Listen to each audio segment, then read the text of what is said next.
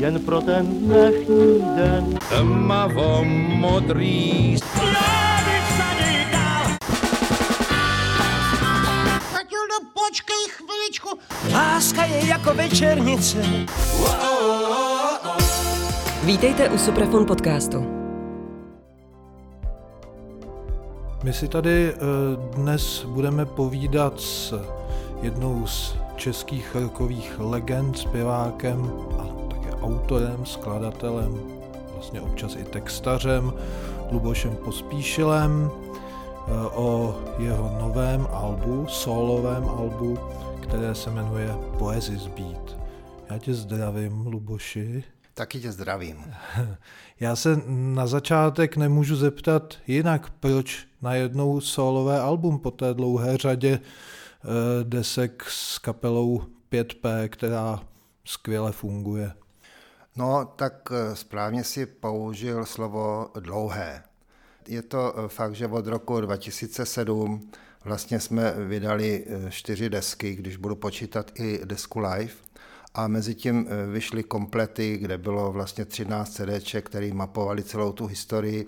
A mně to přišlo, že už ten náklad je veliký a že bych se na to mohl na všechno podívat z trošku jiného úhlu a nějakým způsobem se bohlídnout nejenom za tím, co jsem dělal, ale co jsem mýval rád. A to byla vlastně beatová muzika z těch 60. 70. roků, a tak jsem si vzal do hlavy, že bych udělal něco, čím bych mohl tak nějak navázat eventuálně. A protože už před možná více než deseti rokama se mě zrodil jakýsi nápad eh, spojení muziky a poezie do, eh, do jednoho útvaru, ne jako poezii zhudebňovanou, ale poezii eh, živou, současnou, tak jsem si vymyslel pojem poezii zbít už asi před těma deseti rokama a ten jsem poprvé použil při poslední desce jako podklad pod CD, tam už je to napsaný. Tak to si ani nepamatuju, to jsem nezaznamenal. Eh, chtěl jsem se samozřejmě zeptat, to slovo být v názvu Alba si vysvětlil, ale co přesně to poezis znamená, protože to je slovo přece jenom neobvyklé. Poezis je eh, v řadě jazyků bráno jako poezie, ale eh, v našem prostoru samozřejmě je to tak, jak říkáš. Ale já jsem se poezii zabýval už v CAK vokálu a byla to poezie nejenom současná, ale, ale samozřejmě velmi stará v případě François Villana a dalších autorů.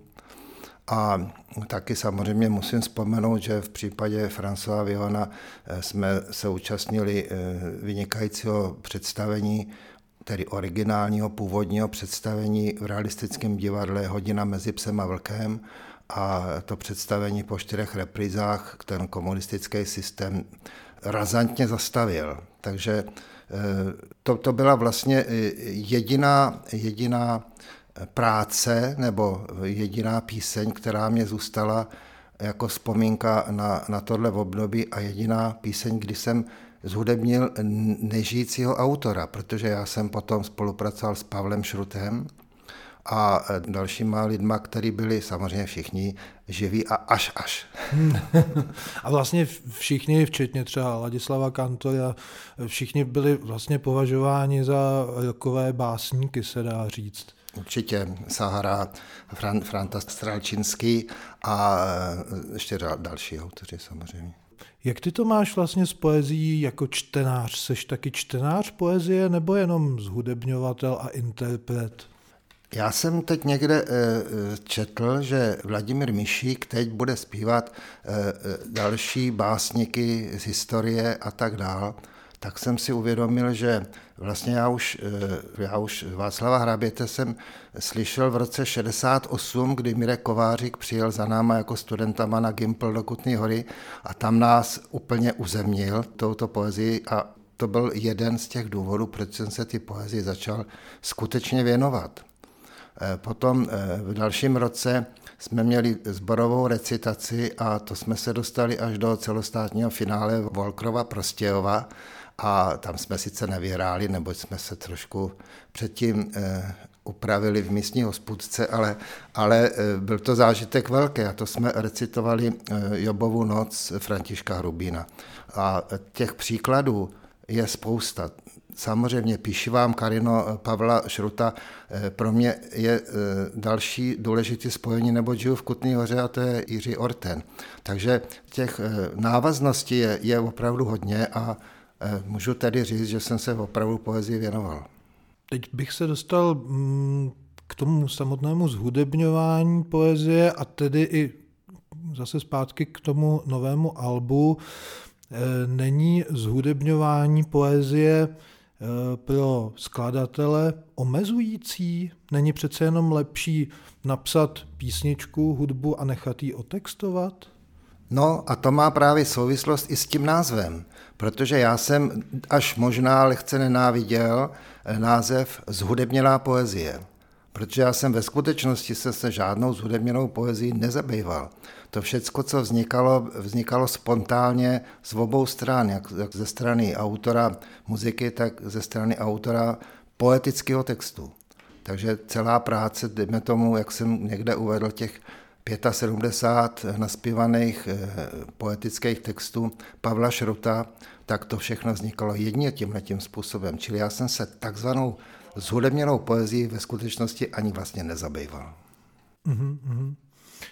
Ještě eh, k souvstažnosti nebo k tomu, že na novém albu tě tedy eh, doprovázejí jiní muzikanti, než je tvoje stálá koncertní kapela a kapela tedy z posledních alb. Eh, je na téhleté nové desce něco, ať už třeba konkrétní písnička nebo nějaké celkové ladění je něco, co by u muzikantů z 5P, eh, abych tak řekl, neprošlo, nebo co by, co by se zdráhali třeba hrát? To je věc, která je eh, tematicky jako velmi důležitá, protože eh, ten koncertní tvar 5P se neustále vyvíjí a je to vždycky jako v každé kapele hrozně moc daný těma lidma, kteří jsou instrumentálně už takzvaně hotový. E, nelze, nelze čekat, že kytarista, který na svým e, kytarovým projevu maká celou kariéru, se najednou kvůli tomu, že dostane materiál, který by měl e, interpretovat, změní. On se nezmění, on bude hrát vždycky tak, jak hraje. Takže jsou, jsou písně, které v tom repertoáru současných 5P nejsou a přitom je třeba lidi vyžadujou. Ale já jim je zahraju buď sám, nebo třeba v nějakým malým obsazení a tak dále. A s tou kapelou e, postupujeme v poslední době jedině tak, že to musí sedět všem v té kapele. Ty, ty songy, které se koncertně e, objevují. A e, takhle to vlastně je, i když, když jsem přemýšlel o tom, s kým to budu dělat a proč to s kým, s kým budu dělat, a e, věděl jsem, že je tam řada písní, které by ty kapele prostě neseděly. Tak jsem hledal ty bíťáky, které e, mají ty kořeny a se kterými jsem si okamžitě rozuměl. Dá se to tedy nějak přiblížit? Já bych je, ty muzikanty, aspoň tu základní trojku, tedy vymenoval. Je to kytarista Libor Mikoška, baskytarista Petr Vavřík a bubeník Martin Weigl. E, proč jsi zrovna vybral tyhle ty? V tuším, že v bukletu Alba je, že to měla být taková kutnohorská akce. No, měla to být kutnohorská akce, ale eh, může se stát, že eh, v té přípravě se ukáže, že všechno, co si člověk eh, ve své hlavě vymyslel a tak nějak uspořádal, že bude fungovat. Ono to někdy se změnit musí, protože se ukáže, že, že, to, je, že to je ve skutečnosti jinak. Takže i takovou změnu jsem tam provedl, ale ne, nemá cenu, abych to konkretizoval. Vždycky má cenu se bavit o tom, co tam je a ne co tam není. Jasně. Uh...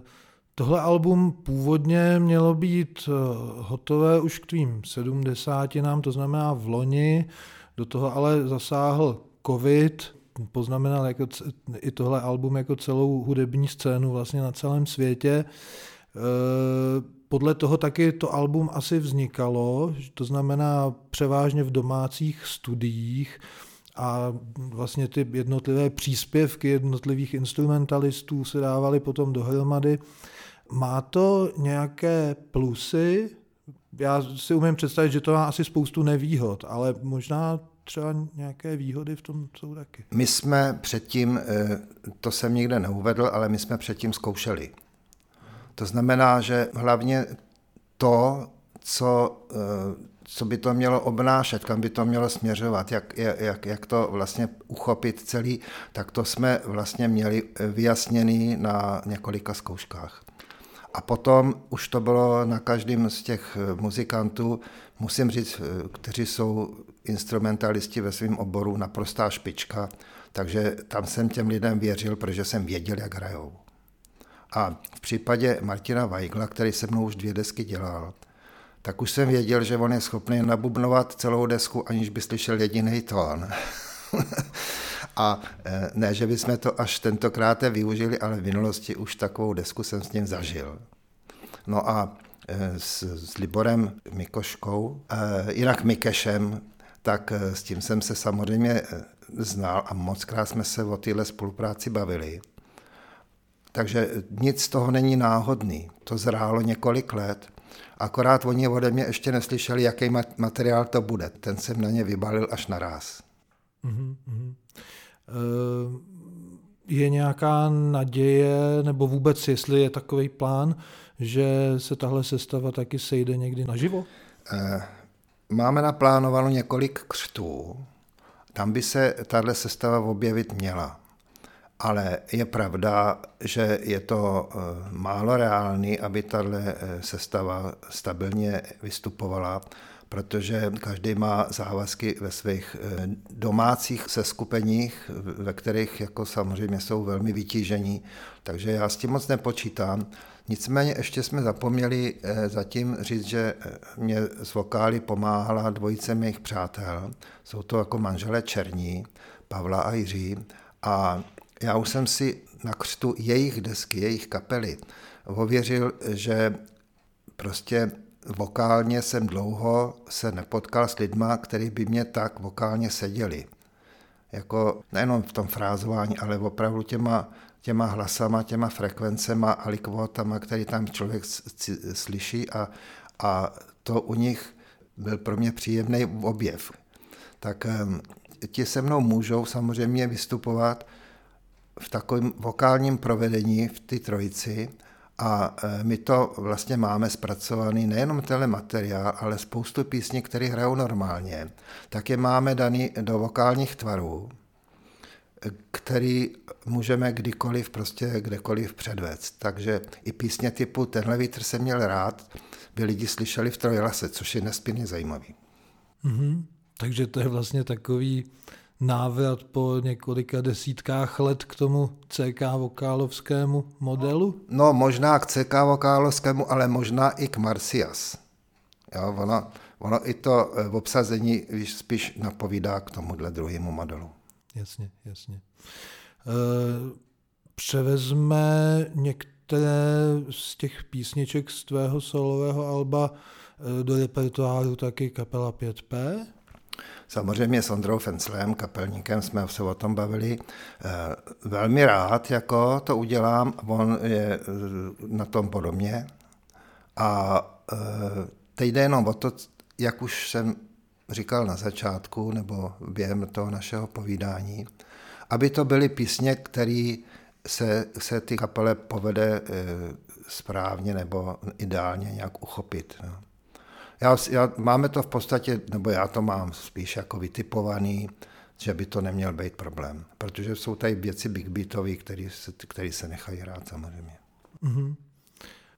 Měli bychom se zmínit samozřejmě taky, protože je to album, řekněme, zpívané poezie, o autorech e, těch textů, e, tak je tam Pepa Lábus, to je celkem známý písničkář, takže to eh, nepřekvapí mě osobně tam nejvíc a myslím, že většinu posluchačů tam asi nejvíc překvapí jméno Jiřího Hájíčka, který je sice velmi známý autor, držitel dvou cen Magnesia Litera, ovšem za prózu a málo kdo asi tuší, že je také básníkem. Jak jsi na to přišel? Tak s Jiřím Hájčkem se eh, znám řadu let a on napsal knihu povídek Vzpomínky na venkovskou tancovačku. Takže eh, u ty příležitosti jsme se zblížili a zjistil jsem, že on vlastně píše takovým, dá se říct, poetickým jazykem v próze. A jsem tam cítil poezii, tak jsem se ho zeptal, jestli, a on mě, on mě odpověděl překvapivě, že se poezii zabýval dřív, než začal psát.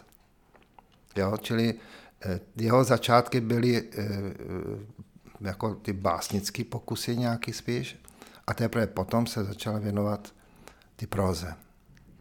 Takže pro ně to nebylo v podstatě nic nového, akorát si musel, eh, musel při mnoha povídání si nějak sám sobě upřesnit, jak to vlastně bude s tou muzikou eh, dohromady vypadat. A myslím, že se to trefilo úplně báječně. No. Jsem hrozně spokojený. Mm-hmm. Jedním textem si přispěl i ty, eh, takovým bluesovým, takovou impresí z Kutnohorského blues café. Co konkrétně tě inspirovalo k tomu textu?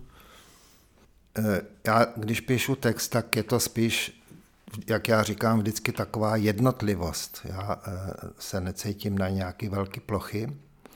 A eh, tady je to, dá se říct, takový novější domácí prostředí pro mě kutnohorský. A ty lidi, kteří tam v tom textu jmenují, ty tam skutečně hrajou a Petr Kalandra tam má zavěšený portrét. Jo tak eh, jsem si říkal, je to dobrý téma, vedle je, eh, je kostel svatého Jakuba, ten občas do těch písní ty posluchače upozorní, kolik je. tak je to takový příjemný, příjemný spojení, tak jsem to vzal jako téma. No. Mm-hmm. Už jsme se zmínili mm, o tom, že ty jsi v loni oslavil sedmdesátiny, ovšem oslavil si patrně jenom v soukromí, protože naplánované koncerty se museli zrušit. Eh, pokud všechno dobře půjde, tak by se měly odehrát letos na podzim. Eh, co na ně chystáš? Bude tam něco speciálního nebo to budou standardní koncerty? No ty podzimní eh, koncerty pro mě a pro jako moji kapelu, ty, které považujeme za, za ty pro nás jako velký, to znamená, že to je Lucerna Music Bar, dva dny po sobě, které byly vyprodány už tenkrát před rokem velmi rychle a e, v Brně Semi Laso, který e, má snad prodej ještě vyšší, mám pocit. Takže e, ty, ty budou takový, jako by se měli vracet k těm sedmdesátínám, ale ty ostatní koncerty budou normálně eh, tak, jak v současné době vystupujeme. Ale jak už jsem říkal, ten náš repertoár se jaksi v té kapele neustále koncertně vyvíjí, takže jsou tam věci, které lidi eh, v dřívějších dobách stejně neslyšeli o tyhle kapely.